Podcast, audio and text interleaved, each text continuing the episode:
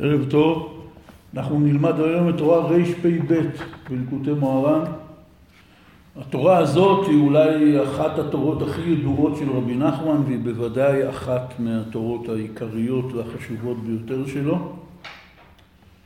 היא נקראת הזמרה, מפני שבסופו של דבר רבי נחמן מלביש את כל הרעיון בתורה, בפסוק, בתהילים, הזמרה לאלוקיי בעודי. התורה הזאת מדברת על חשיבות ההסתכלות החיובית בחיים, גם על עצמנו וגם על זולתנו. היא מציבה את היעד בחיים שאדם יוכל להתחיל לשיר, לזמר, זה נקרא הזמרה, הזמרה. איך מתחילים להגיע למצב שאדם יכול לשיר, כמובן, לשיר לקדוש ברוך הוא. אומר רבי נחמן, דע כי צריך לדון את כל אדם לכף זכות. הציווי הזה, שזה ציווי, זה לא עצה טובה, לדון כל אדם לכף זכות, כתוב במסכת אבות. שם כתוב, עשה לך רב וקנה לך חבר ודן את כל האדם לכף זכות. ועל פי חלק ממוני המצוות בתורה, זאת מצווה מתרי"ג מצוות. כתוב בתורה, בצדק תשפוט עמיתך. וחלק ממוני המצוות אומרים שנכלל בציווי הזה, בצדק תשפוט עמיתך, גם לדון כל אדם לכף זכות. כך שהעניין הזה פה, זה לא שרבי נחמן נותן עצה לדון אנשים לכף זכות ועל ידי זה לזכות לכל מיני דברים, אלא זה פשוט ציווי שורשי מאוד מהתורה, וכמובן הדבר הכי קשה אה, לקיום, מפני שכמו כל דבר, כמו מצוות השמחה שדיברנו עליה בשבועיים האחרונים, הרעיון הוא לא להיות שמח כשאתה שמח, הרעיון זה איך להיות שמח כשאתה לא בשמחה. איך אתה מכריח את עצמך ומביא את עצמך לידי שמחה. אותו דבר זה כאן. לדון כל אדם לכף זכות, הכוונה היא לא מישהו שאני ממילא אה, מסמפת אותו, ואז ממילא כל מה שהוא עושה אני תמיד שופט אותו בחיוב, ואומר, תשמע, צריך להבין אותו, אלא דווקא מי שמרגיז אותי. דווקא מי שאני רואה בו דברים בעייתיים ושליליים, אני צריך להשתדל לדון אותו לכף זכות. אומר רבי נחמן, דע כי צריך לדון את כל אדם לכף זכות, ואפילו מי שהוא רשע גמור, צריך לחפש ולמצוא בו איזה מעט טוב, שבאותו המעט אינו רשע, ועל ידי זה שמוצא בו מעט טוב ודן אותו לכף זכות, על ידי זה מעלה אותו באמת לכף זכות ויוכל להשיבו בתשובה. אז כמובן הדגש פה זה המילה אפילו, ואפילו מי שהוא רשע גמור, לא כל שכן מי שהוא לא רשע גמור, זה ברור פה העניין. כלומר, רבי נחמן אומר צריך לדון כל אדם לכף זכות, ואפילו מי שהוא רשע גמור, שאותו מאוד קשה לדון לכף זכות. רשע גמור זה דבר נדיר מאוד. אולי יש אנשים רשעים, אבל רשע גמור זה תופעה, זה בערך נדיר כמו צדיק גמור. צדיק גמור זה דבר נדיר, וגם רשע גמור זה דבר נדיר. אומר רבי נחמן, אפילו מי שהוא רשע גמור, צריך לדון אותו לכף זכות. אבל למה? מפני שעיקר מטרתנו היא להעלות אנשים לקו זכות. אומר רבי נחמן, הוא חוזר על זה בהמשך גם על בני אדם אחרים וגם על עצמנו, על ידי שאתה דן אדם לקו זכות, או כפי שנראה בהמשך, דן את עצמך לקו זכות, אתה מעלה אותו מכף חובה לכף זכות. כלומר, זה איזו סגולה, מיסטית אפילו, אפשר להגיד. על ידי שאתה בלבך מסתכל עליו בעין טובה ומלמד עליו זכות, באיזושהי דרך נעלמת, הוא באמת עולה מכף חובה לכף זכות, הוא נהיה אדם יותר טוב. פשוט. וממילא יוצא שמהמשפט הראשון הזה בתורה, רבי נחמן נותן לנו פה שוב הדרכה שמטרתנו בחיים היא לעשות את העולם לעולם יותר טוב. וכפי שהוא כותב בתורה ה' בליקוטי מוהר"ן, שהוא אומר שם, רבי נחמן אומר, שאדם צריך לעיין בכל עת בתיקון העולם. הכוונה, לעזור לאנשים. אם הוא יכול למלא את חסרונם, מה טוב, ואם לא, לפחות שיתפלל עליהם. זאת אומרת, המטרה שלנו זה להיות אנשים טובים שמפיצים טוב. וכפי שהוא אומר בתורה ל"ו בליקוטי מוהר"ן, שהדרך לצייר את האור לטובה, שההשפעה שיורדת מהשמיים היא תשפע עלינו לטובה ולברכה, הוא אומר זה על ידי להיות אדם טוב. וזה בעצם ההדרכה הראשית והעיקרית של רבי נחמן. אתה צריך להיות אדם טוב שמפיץ סביבך טוב. אתה לא יכול להגיד, מה אכפת לי מהרשעים, מה אכפת לי מאנשים אחרים. לא, היא מוטלת עליך משימה להעלות אנשים מכף חובה לכף זכות, להשיבם בתשובה. איך עושים את זה? יש הרבה דרכים. אומר רבי נחמן, מתחילים בזה שאתה דן אותו לכף זכות. אתה מתחיל להסתכל על אנשים בהסתכלות של לימוד זכות. איך עושים את זה? צריך לחפש ולמצוא בו איזה מעט טוב שבאותו המעט אינו רשע. כלומר, על ידי שמסתכלים על הטוב, וזו נקודה מאוד חשובה, כי אנחנו מדברים פה על רשע גמור. רבי נחמן כותב בספר המידות שלו, מי שמלמד זכות על הרשע, נהיה כמוהו. וזה מבלבל מאוד הרבה פעמים אנשים. כי בספר המידות הוא אומר שאסור ללמד זכות על רשעים, וכאן הוא כותב שצריך ללמד זכות על רשעים. אלא ההבדל הוא כך, מי שמלמד זכות על הרשע, כלומר הוא מנסה להמעיט את הרשע ממעשיו, הרשע עושה מעשים רעים. ואתה אומר, תראה, זה לא כל כך נורא, אולי זה לא ממש אה, מעשה רשע כמו שזה נראה. זה נקרא שאתה מלמד זכות על הרשע של הרשע. וזה פסול. הדרך ללמד זכות על הרשע זה לחפש בו איזה מעט טוב, כפי שהוא יגיד בהמשך. איך ייתכן שהוא לא עשה איזה טוב מימיו? מה שהוא עשה רע, נשאר רע.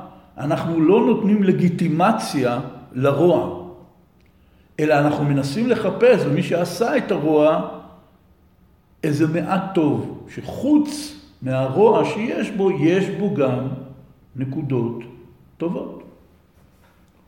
וזה בחינת ועוד מעט ואין רשע והתבוננת על מקומו ואיננו, שזה פסוק בתהילים.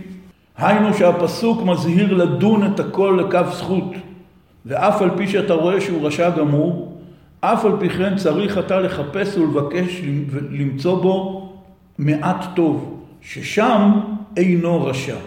במעט טוב הזה הוא לא רשע. בשאר הדברים שלו הוא נקרא רשע. אבל במעט טוב הזה שמצאתי בו, שם הוא לא נקרא רשע. וזהו ועוד מעט ואין רשע, שצריך אתה לבקש בו עוד מעט טוב שיש בו עדיין ששם אינו רשע, כי אף על פי שהוא רשע, איך אפשר שאין בו מעט טוב עדיין? כי איך אפשר שלא עשה איזה מצווה או דבר טוב מימיו? ועל ידי זה שאתה מוצא בו עוד מעט טוב, ששם אינו רשע, ואתה דן אותו לכף זכות, על ידי זה אתה מעלה אותו באמת מכף חובה, מכף זכות, עד שישוב בתשובה על ידי זה. וזהו, ועוד מעט ואין רשע. על ידי שמוצא בהרשע עוד מעט טוב, כמו שכתוב בפסוק, ועוד מעט ואין רשע. אז אתה מוצא בו את המעט טוב, על ידי זה, והתבוננת על מקומו ואיננו.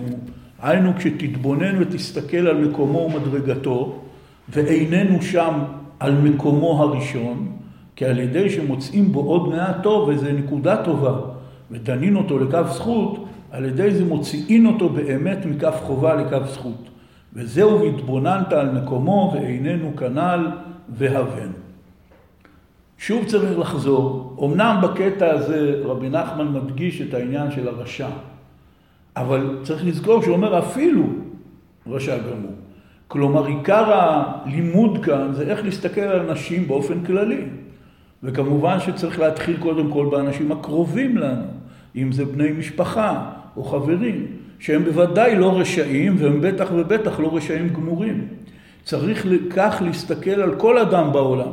כל אדם בעולם שיש לי קשר איתו, אני צריך ללמד עליו זכות באופן כזה שאפילו אם הוא חטא כנגדי, ויש דברים שאני מאוד מקפיד עליו, וכמובן, אני בטוח שאני צודק, כמו בדרך כלל בני אדם, הם תמיד בטוחים שהם צודקים, ואז ממילא הוא מרגיש הצודק האולטימטיבי ומולו אדם שבאותו רגע הוא מחשיב את מעשיו כמעשים של רשע. איך הוא התנהג אליי, איך הוא דיבר אליי, למה הוא עשה לי ככה.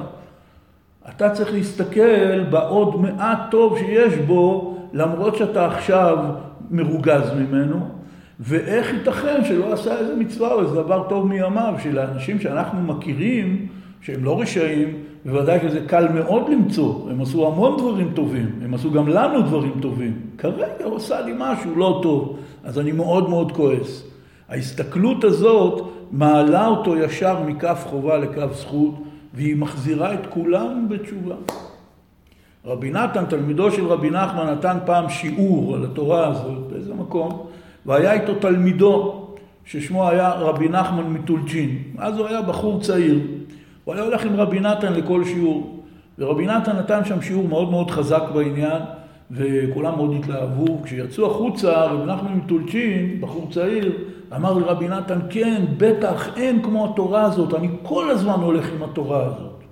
נראה בסוף שרבי נחמן הזהיר שצריך ללכת עם התורה הזאת. זאת אומרת, ממש באופן תמידי, יומיומי, תמיד לזכור את הלימוד הזה, וכמובן לקיים אותו. אז הוא אומר לרבי נתן, מורו ורבו, אומר לו, אני כל הזמן הולך עם התורה הזאת. אמר לו רבי נתן, אז איפה כל הבעלי תשובה שלך?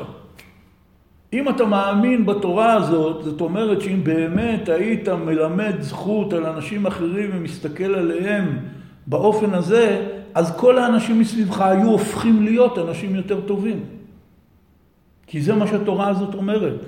אפשר לבחון אם אני מקיים את התורה הזאת. אני יכול לבחון את זה לעצמי. אם באמת האנשים מסביבי עולים מכף חובה לכף זכות. זה אומר שאני מקיים אותה. ואם אני מלמד עליהם זכות, אבל הם לא נהיים יותר טובים, אז יש אצלי איזו בעיה. הבעיה זה לא אצלהם, הבעיה זה אצלי.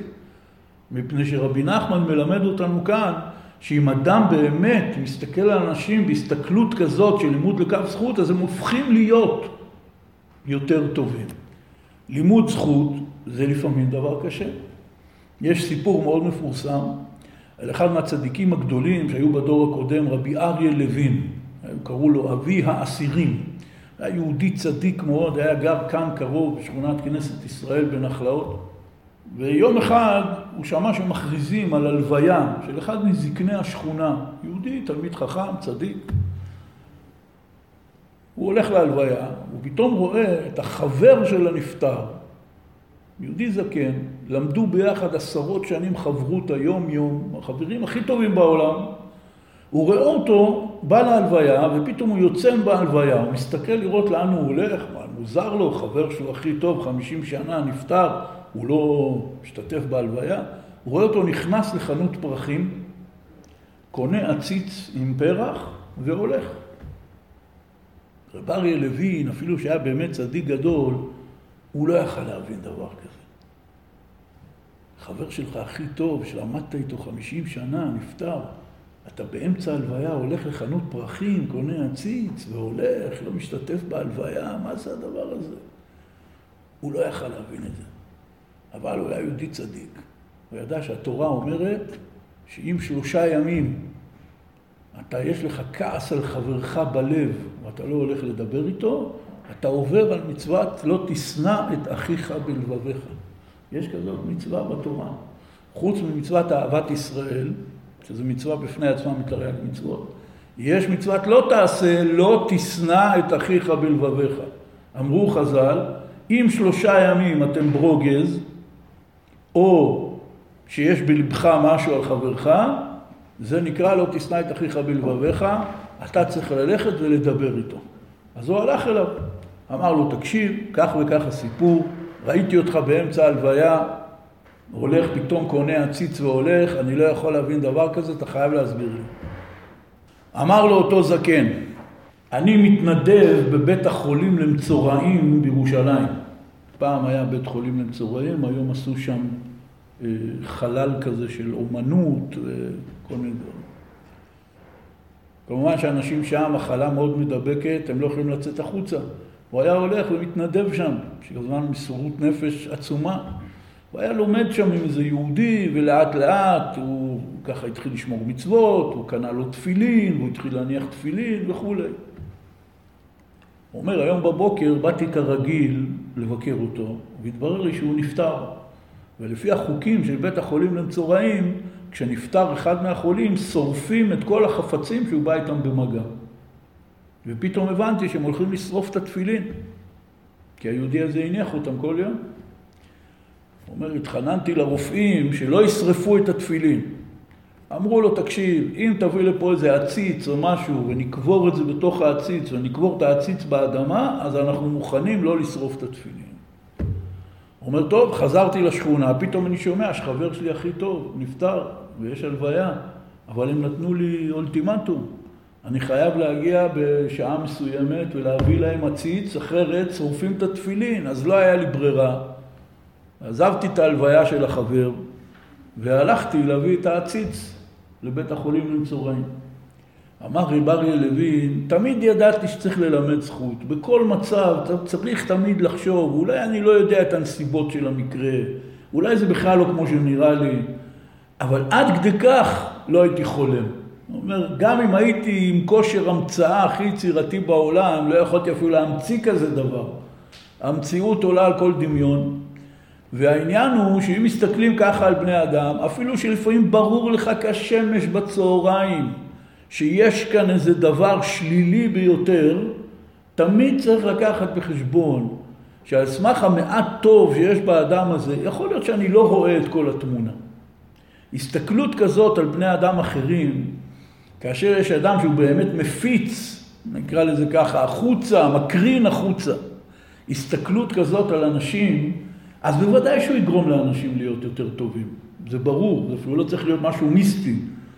כשאתה נפגש עם מישהו שהוא באמת מקרין החוצה טוב ואהבה, זה משפיע גם עליך. אבל יש כאן גם עניין מיסטי, שרבי נחמן אומר לנו, אנחנו לא יכולים להבין את זה, אנחנו יכולים להאמין בזה, אנחנו רוצים. שברגע שאני מסתכל על מישהו, הוא בכלל לא יודע מה אני חושב עליו. אבל כשאני בפנים מסתכל עליו בעין טובה, אפילו, אפילו שהוא רשע גמור, לא כל שכן שהוא לא רשע גמור ולא רשע בכלל, זה מעלה אותו מכף חובה לכף זכות, וזה מחזיר אותו בתשובה. ואני אומר עוד פעם, שקוראים את המשפטים נכון, במה שרבי נחמן אומר פה, הוא בעצם אומר לנו, תדע לך שהייעוד של בני אדם בעולם זה להפיץ טוב ולגרום לזה שכל העולם יעלה מכף חובה לכף זכות. עכשיו, אנחנו חיים בתוך תרבות שמקדשת את העניין של לדון לכף חובה. קוראים לזה במילים אחרות. ביקורת, יש לזה כל מיני מילים כאלה. אנחנו חיים בתוך תרבות, במיוחד אמצעי התקשורת, שמתוקף תפקידם, ולפעמים הם קצת מתלהבים יותר מדי מתפקידם, הם כל הזמן מחפשים בעיות אצל אנשים, מה שקוראים תחקירים למיניהם. וכל הזמן מחפשים איפה ה catch, נכון? ככה לימדו אותנו. שאנשים קצת יותר מדי בסדר, אתה אומר, רגע, איפה ה catch פה? איפה האינטרס פה? איפה האג'נדה פה? כלומר, אתה כל הזמן מחפש את הכף חובה. לפעמים, כשזורקים חכה לחפש כף חובה, עולים דגים שמנים בחכה, ומוצאים כל מיני בעיות, שחיתויות, כל מיני דברים. אבל זה ברור לגמרי שזה שאנחנו כל הזמן קולטים את המהלך הזה, שבכל דבר צריך לחפש את האינטרס ואת האג'נדה ואת השחיתות ואת העניין, שבעברית קוראים לזה לחפש כף חובה, זה משפיע עלינו. זה משפיע עלינו באופן כזה שאנחנו נהיים מאוד מאוד חשדנים, ואנחנו מסתכלים בצורה מאוד מאוד ביקורתית על בני אדם. וזאת בעיה אמיתית. אני אומר את זה כאדם שיש לו את הבעיה הזאת, באופן חריף. וזה קשה מאוד להתרפא מזה. וזה רק צעד אחרי צעד, ולהתחיל לעשות תרגילים, לראות מישהו שאני דן אותו לכף חובה באופן אוטומטי, ולנסות לחפש את הקו זכות. איך אני מסתכל עליו בכף זכות. זו עבודה קשה. יש אנשים שזה יותר קל להם מצד הנטיות שלהם והאופי שלהם, ויש אנשים שזה יותר קשה להם. אומר רבי נחמן, אם תתנהג כך, אתה תצליח להעלות אנשים מכף חובה לכף זכות. כי שוב, אנחנו לא מתעלמים מזה שיש לאנשים כף חובה, ואנשים עושים דברים לא בסדר, ויש בהם דברים שליליים, עד כדי כך שחלק מהם מכונים בשם רשעים, ועד כדי כך שיחידי סגולה מהם מכונים גם בשם רשעים גמורים. אבל הרעיון הוא לא לסתום את הגולל על האדם ולהגיד הוא רשע, הוא רשע גמור, עזוב אותו, הוא אבוד, אין לו תקווה. אלא להסתכל ולראות שיש לו איזה מעט טוב. שבאותו המעט הוא לא רשע.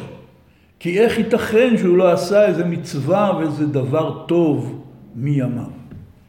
וכמובן שזאת עבודה גדולה לכל החיים, אבל כאן רבי נחמן נותן את הכיוון. עכשיו עובר רבי נחמן ואומר, זה לא רק עם אנשים אחרים, זה גם עם עצמך. ואומר כך, וכן צריך האדם למצוא גם בעצמו. כי זה ידוע שצריך האדם להיזהר מאוד להיות בשמחה תמיד ולהרחיק העצבות מאוד כמבואר אצלנו כמה פעמים. וכפי שקראנו, למדנו כאן בשבועיים האחרונים את תורה כ"ד בליקוטי מוהר"ן חלק שני ותורה י' בליקוטי מוהר"ן חלק שני, שאלה שתי התורות המפורסמות שבהן הוא מדבר על החיוב להיות בשמחה, כל אחת מסיבה שלה. בתורה י' הוא אומר שהחיוב להכריח את עצמו להיות בשמחה, כי רק על ידי כך יהיה לו יישוב הדעת, הוא יוכל להנהיג את מוחו כרצונו. ובתורה כ"ד הוא אומר שצריך להכריח את עצמו בכל הכוחות להיות בשמחה, כי רק על ידי זה הוא שומר על בריאות גופו, כי העצבות מרעילה את הגוף וגורמת לו מחלות, והשמחה היא רפואה. אבל כמובן שיש לו עוד תורות שהוא מדבר על אה, החיוב להיות בשמחה. אז אם כן הוא אומר, זה ידוע שהאדם צריך להיזהר מאוד להיות בשמחה תמיד. עכשיו הוא מתחיל להגיד, יש בעיה בלהיות בשמחה תמיד. מדוע? ואפילו כשמתחיל להסתכל בעצמו ורואה שאין בו שום טוב והוא מלא חטאים ורוצה הבעל דבר, כלומר היצר הרע, להפילו על ידי זה בעצמות ומרה שחורה, חס ושלום, אף על פי כן אסור לו ליפול מזה. אומר רבי נחמן, אחת הסיבות המרכזיות לעצבות זה חוסר שביעות רצון עצמית. אדם מסתכל בעצמו, אם הוא אדם ירא שמיים, שבאמת ההסתכלות שלו על העולם ועל עצמו היא מורכבת ממצוות ועבירות, אז הוא רואה בעצמו את העבירות. יש אנשים שהם לא חונכו כך והם לא חיים כך, אז הם מסתכלים בבעיות אחרות שיש בהם. אבל ברגע שאדם מתחיל להסתכל בעצמו, הוא ימצא המון דברים שהם לא לעניין. וכמה שאדם יותר מתבונן בעצמו, הוא מגלה יותר ויותר פניות ונגיעות ואינטרסים, ואפילו הדברים הטובים שהוא עושה, כפי שרבי נחמן מיד יגיד, הוא רואה שיש בהם כל מיני עניינים, שום דבר לא ישר, שום דבר לא פשוט. הפתרון של רוב האנשים זה להפסיק להסתכל בעצמם. פשוט מסיח את דעתו מהסתכלות פנימה, על ידי כל אמצעי אפשרי. בדרך כלל, כפי שאנחנו רגילים היום בזמננו, הוא מסיח את דעתו על ידי בידור, על ידי מדיה, אוזניות באוזניים, מוזיקה, הכל, סרטים, מה שלא יהיה, בטלפון, במחשב, בטלוויזיה, בכל מקום, רק להסיח את הדעת מעצמי. בכל מקום שיש איזשהו סיכוי, ככה יושב לי מול איזו שקיעה יפה באיזה מקום, אולי פתאום אני אתחיל לחשוב על עצמי ועל החיים שלי, אוטומטית האוזניות נתקעות באוזניים, צריך לשמוע מוזיקה, איזה שקיעה יפה, צריך ללוות אותה עם פסקול מוזיקלי. או מתחיל לחטט לעצמו בטלפון, לחפש כל מיני דברים, לא משנה, פידים, סטטוסים, כל מיני סיפורים, העיקר לא לחשוב על עצמי. ואם אפשר לסכם את כל התורות הרוחניות בכל התרבות האנושית כיום, הוא אומר, תתחיל להתבונן על עצמך. תפנה לעצמך זמן, אבל זה לא רק הזמן, תפנה לעצמך פניות פנימית להתחיל להסתכל על עצמך. עכשיו, לפעמים התוצאה היא לא משביעת רצון. מה זה לפעמים? תמיד, כמה שתתבונן יותר, תמצא דברים. נו, גם כשמסתכלים בראי רואים המון דברים לא לעניין. אז מה, אז הפסקנו להסתכל בראי? אדם מסתכל בראי, הוא רואה פה איזה נקודה שלא מוצאת חן בעיניו, פה האף שלו לא מוצא חן בעיניו, פה השערות שלו לא מוצאות חן בעיניו. אף אחד לא מסתכל בראי ומתעלף מהתלהבות. רוב בני אדם הם לא נראים כל כך טוב בראי, אבל ממשיכים להסתכל בראי, ולומדים לעבור על הדברים שלא מוצאים חן בעינינו, אבל בראי הרוחני אנשים לא רוצים להסתכל. זאת הסיבה שאנשים נמנעים מטיפול, טיפול ייעוצי. אפילו שלפעמים הוא מבין שהוא צריך את זה, הוא מפחד, הוא אומר, לך תדע מה אני אגלה על עצמי, אני לא רוצה לגלות כאלה דברים על עצמי, אני רוצה להישאר ככה, תן לי להישאר בבורות הנעימה של הטיוח על עצמי. אבל כך או אחרת, אתה תגלה על עצמך דברים. לכן הדרך לתיקון היא להתחיל להסתכל על עצמי. אפילו שבהתחלה באמת יוצאים שם דברים לא לעניין. כפי שרבי נחמן אמר, אם אתה מאמין שאפשר לקלקל, תאמין שאפשר לתקן. ולכן, גם אם אתה מפחד לראות קלקולים, תאמין באמונה שלמה שאפשר להביא תיקונים לקלקולים האלה. תאמין בתיקון. זה מה שרבי נחמן מייעץ לאדם. תהיה אדם שמאמין בתיקון. כי כולנו מאמינים בקלקול. לשכנע אנשים שיש דברים שגורמים קלקולים גדולים, אפילו באופן רוחני, כולם מאמינים בזה צ'יק צ'אק. אין להם שום בעיה. ב- ב- בלשכנע אנשים שכל מיני דברים גורמים אנרגיה שלילית, קל מאוד לשכנע. יש את התורה הסינית הזאת, איך לסדר את הבית לפי האנרגיות, פנג שואי, כולם מאמינים בזה. האנשים הכי אינטלקטואליים, הכי רציניים, חברות הייטק, מה שאתם לא רוצים, עושים בזה סדנאות, מביאים מומחים. כי כולם, לכל אחד יש איזה קטע בחיים שמשהו לא מסתדר, כן? הוא אומר, לך תדע, אולי זה בגלל האנרגיות השליליות, שלא שמתי את הכיסאות בזווית הנכונה, אז זה יוצא אנרגיות שליליות בבית, או יש בזה הרבה, הרבה תורה שלמה, איפה צריך לשים את הנעליים בחדר כשאתה הולך לישון, באיזה כיוון וכולי. בזה כולם מאמינים. עכשיו אתה בא לאנשים, הוא אומר, בסדר, אתה מאמין בקלקול, נהדר, אבל בוא נאמין בתיקון. הרי זה בדיוק אותו מהלך שרבי נחמן מביא כאן בתורה רפ"ב. תתחיל להסתכל על הטוב. תתחיל להסתכל טוב, יהיה טוב. תחשוב טוב, יהיה טוב. תסתכל ותלמד זכות אל אנשים אחרים, הם יעלו להיות יותר טובים. תתחיל להסתכל על עצמך, גם אתה תהיה יותר טוב, כפי שנראה מיד. אבל אנשים לא רוצים להסתכל בעצמם, כי הם מפחדים לראות את התקלות, את הקלקולים, את העיוותים וכן הלאה. וצריך לשים לב שרבי נחמן אומר כך, ואפילו כשמתחיל להסתכל בעצמו ורואה שאין בו שום טוב, כלומר ההתחלה היא להסתכל בעצמו. כי מי שלא מסתכל בעצמו, הוא לא יודע על מה אנחנו מדברים. מה אתה רוצה? וואלה, אני סבבה, אני בסדר גמור, אין לי שום בעיות. אבל כשאדם מתחיל להסתכל בעצמו, ורואה שאין בו שום טוב, והוא מלא חטאים, ורוצה הבעל דבר להפילו על ידי זה בעצמות ומראה שחורה חס ושלום, אף על פי כן אסור לו ליפול מזה. אומר רבי נחמן, הסיבה הראשונה לעצבות זה הסתכלות עצמית שחושפת דברים שהם שליליים בעיניי, וזה מפיל אותי וקשה לי מאוד להיות בשמחה, כי גיליתי על עצמי דברים לא נעימים. אז מה כן צריך לעשות? אומר רבי נחמן, אסור ליפול מזה, רק צריך לחפש ולמצוא בעצמו איזה מעט טוב. כי איך אפשר שלא עשה מימיו איזה מצווה או דבר טוב. באותה שיטה שאתה מודרך על ידי רבי נחמן להסתכל על אנשים אחרים, אפילו רשעים גמורים, אותו דבר אתה מודרך להסתכל על עצמך. לא להסתכל ברע, לחפש את המעט טוב, כי איך ייתכן שלא עשית איזה דבר טוב, שאין בך דבר טוב? זה לא ייתכן. מה הבעיה אבל? הבעיה היא, כאשר אני מסתכל על אנשים אחרים, ואני אומר, איך ייתכן שהם לא עשו את זה טוב? אבל אז אני מתחיל לבדוק את הטוב הזה שאולי הם עשו.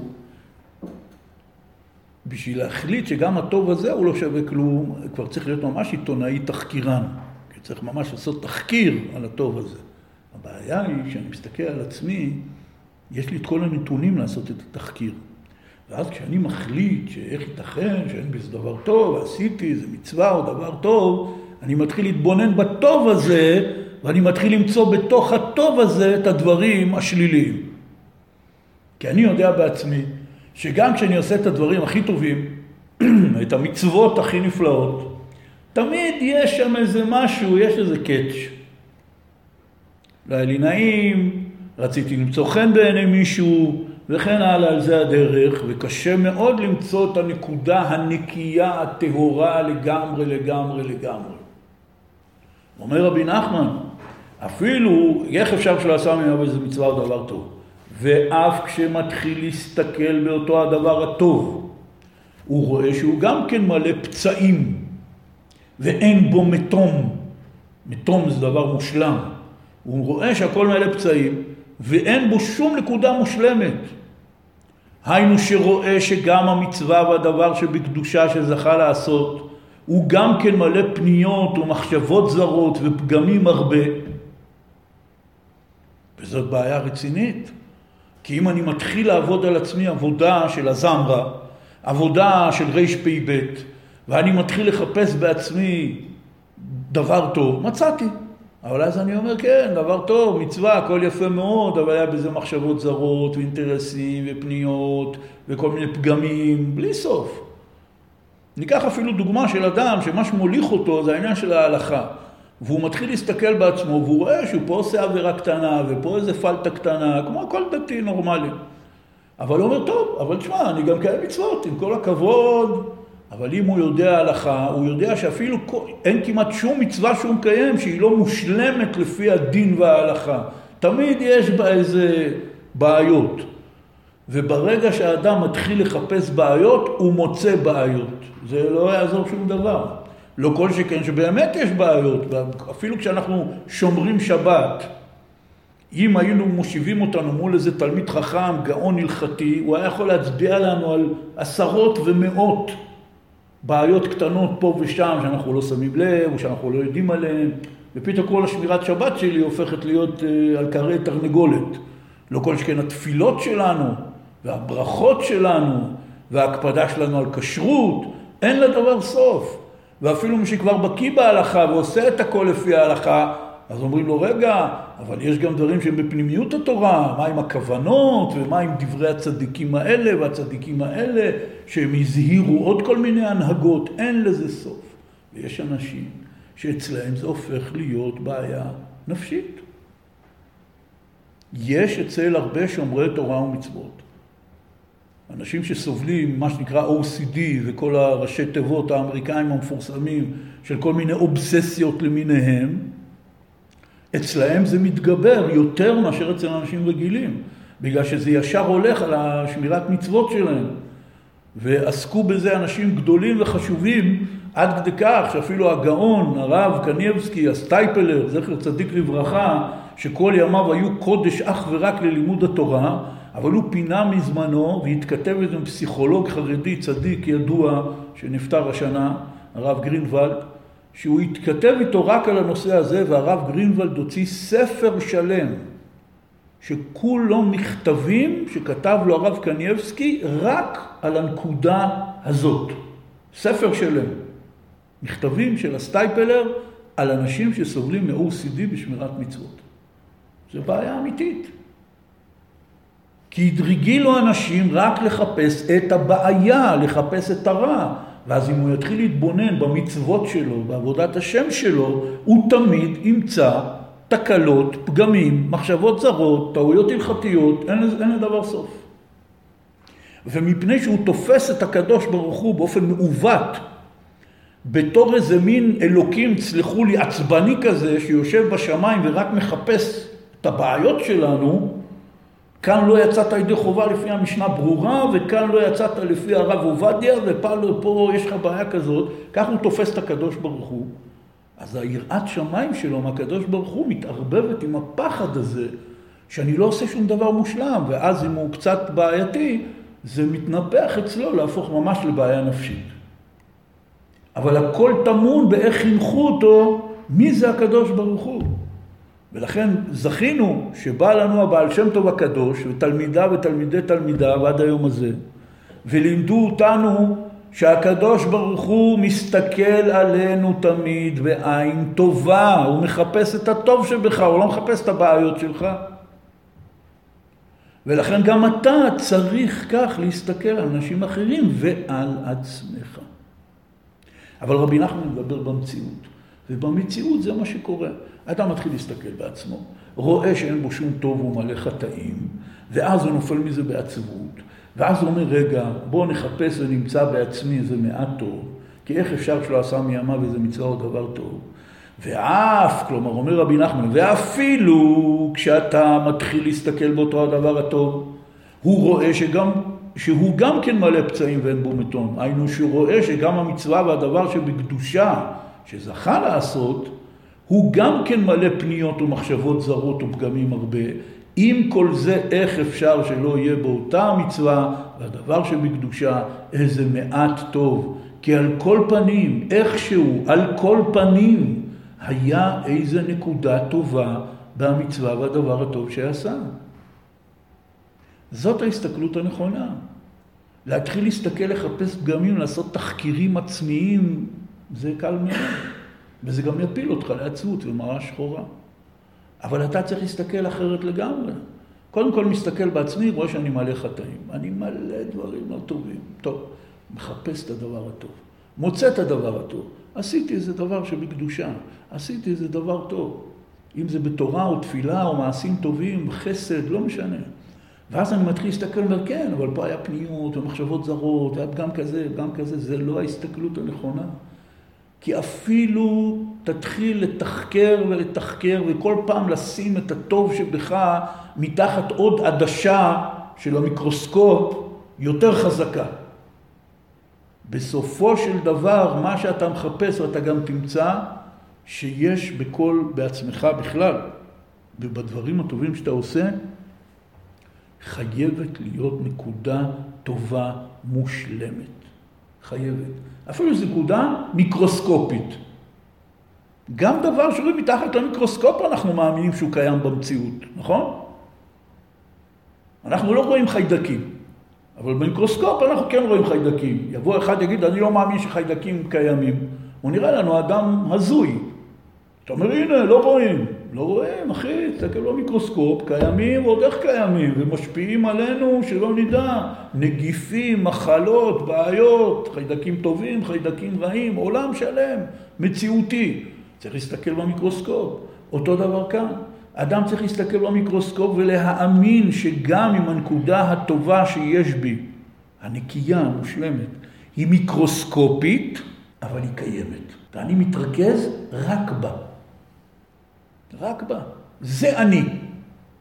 מה אני? הנקודה של הטוב, המושלם, הנקי, הטהור, שלקח לי הרבה זמן למצוא אותו, והתבוננות רבה מאוד, כי אני באמת מלא בעיות. מהיום זה אני. הנקודה הטובה הזאת, אני מסתכל על עצמי דרך המשקפיים האלה. עזרתי לזה אדם, עשיתי איתו חסד. כשאני מתחיל לבדוק את המעשה הזה, אני אומר, עשיתי כי לא היה לי נעים, עשיתי בגלל שכולם יגידו לי איזה צדיק, הוא ממש עזר, עשיתי את זה כדי שהוא ירגיש שהוא חייב לי. יש אלף פניות ומחשבות זרות, אפילו במעשים הטובים שלנו. לא כל שכן במעשים הלא טובים שלנו, שלא נדע.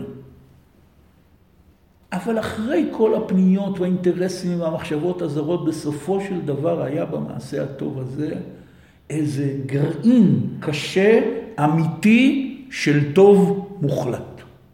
אני מסתכל רק בו, אני מתמקד רק בו.